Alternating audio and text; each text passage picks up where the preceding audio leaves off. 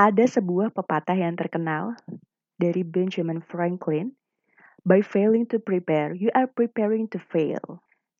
Bahasa Indonesianya, gagal dalam perencanaan sama dengan merencanakan gagal. Apakah mau setuju? Coba dengar cerita saya yang satu ini.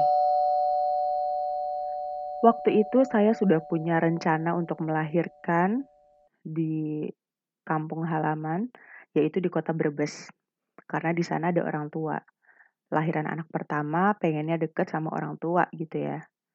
Karena saya sudah punya rencana untuk melahirkan di Brebes, maka saya mulai mencari provider dong atau fasilitas kesehatan ataupun pendukung yang bisa uh, sesuai sama rencana melahirkan saya di sana. Pertama saya cari dokter perempuan. Kenapa dokter perempuan? Karena suami saya nggak bolehin saya melahirkan sama dokter laki-laki ya. Oke, searching-searching, nanya-nanya gitu ya. Ada dokter perempuan nggak? uh, di Brebes gitu. Ternyata nggak ada dokter perempuan di Brebes yang dokter kandungan ya maksudnya. Adanya dokter laki-laki, uh, terutama di klinik-klinik bersalin gitu, maaf, uh, ataupun di rumah sakit.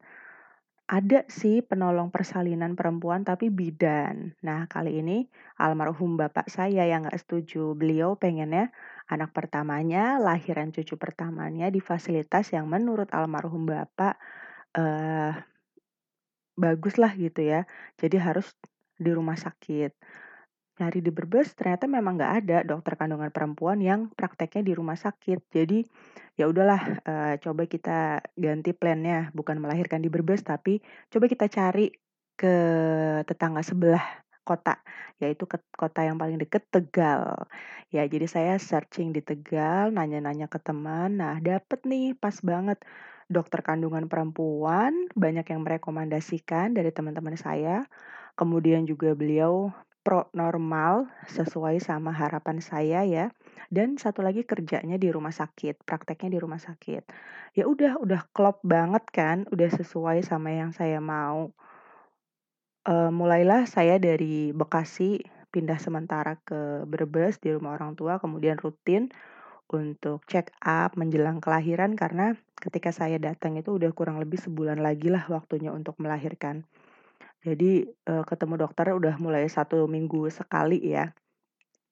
Nah, saya udah bikin rencana uh, bawa peralatan melahirkan udah lengkap.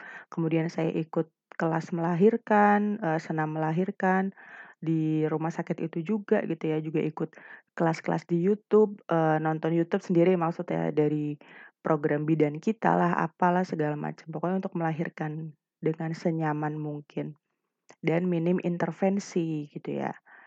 Eh, tapi di hari H saya melahirkan. Jadi saya melahirkannya maju dari tanggal perkiraan. Majunya sampai dua minggu. Satu ya, ternyata rencananya nggak sesuai sama prediksi. Prediksinya tanggal berapa, lahirannya tanggal berapa.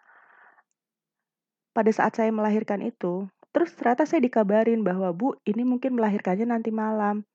Cuma dokter ibu itu hari ini barusan cuti keluar kota. Baru berangkat tadi siang. Apa? Terus saya nggak tahu nih, karena saya ternyata nggak punya cadangan dokter, saya nggak berpikir bahwa dokter itu akan cuti ketika saya melahirkan gitu ya. Jadi ya udah saya pasrah aja saya ya udahlah terima dokter siapa pun. Saya pikir di Tegal ada dokter lain yang juga perempuan. Jadi uh, mungkin mereka akan cari dokter itu kali ya saya gitu. Pas malamnya ketika saya udah pembukaan lengkap dan tahu nggak ternyata dokter pengganti dokter saya itu adalah dokter laki-laki dan beliau yang prakteknya di Brebes Oh my god, saat itu saya benar-benar nggak bisa mikir lagi, saya cuman bisa pasrah, udah nggak bisa nolak dan suami juga udah nggak bisa protes ya orang udah mau lahiran gitu gimana ceritanya masih protes. Ya udah, akhirnya saya ternyata melahirkan anak pertama saya di Tegal dengan bantuan dokter laki-laki dari Brebes. Padahal itu sama sekali nggak masuk planning, nggak masuk rencana gitu ya. So, hmm, apa hikmah yang bisa didapat dari cerita saya, Moms?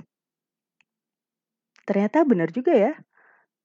Gagal dalam perencanaan merencanakan gagal. Saya bukan berarti gagal melahirkan sih, tapi gagal uh, melahirkan dengan dokter perempuan yang saya mau gitu ya. Mungkin seharusnya di awal saya sudah bikin plan nih. Saya bikin plan itu seperti orang sering bilang juga jangan cuma plan A, plan B, plan, plan C, kalau perlu sampai Z karena alfabet itu banyak 26 gitu katanya ya.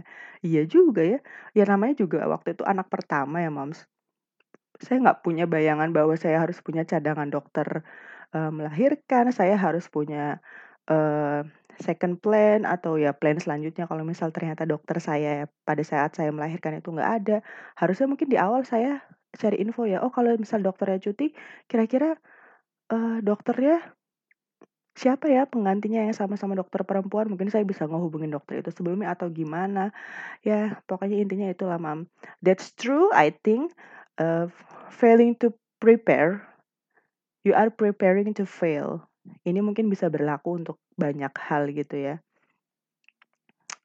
Kurang lebih seperti itu, Mam. Semoga memberi gambaran bahwa ya, ayo kalau mau bikin rencana, bagusnya sih memang di awal rencana itu yang matang.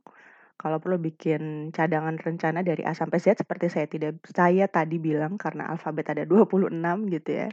Memikirkan berbagai macam kemungkinan. So, dengan harapan seperti itu, mudah-mudahan sih in the end apa yang kita rencanakan itu bisa berjalan dengan lancar, bisa berjalan dengan sesuai. Karena sebenarnya ya bisa aja sih rencananya udah bagus tapi Tuhan yang menentukan kan. Begitu. Terima kasih Mam sudah mendengarkan. Semoga mendapatkan uh, cerita yang menarik lagi hari ini dari saya, Fitriani Rahman, podcast Momi Bicara.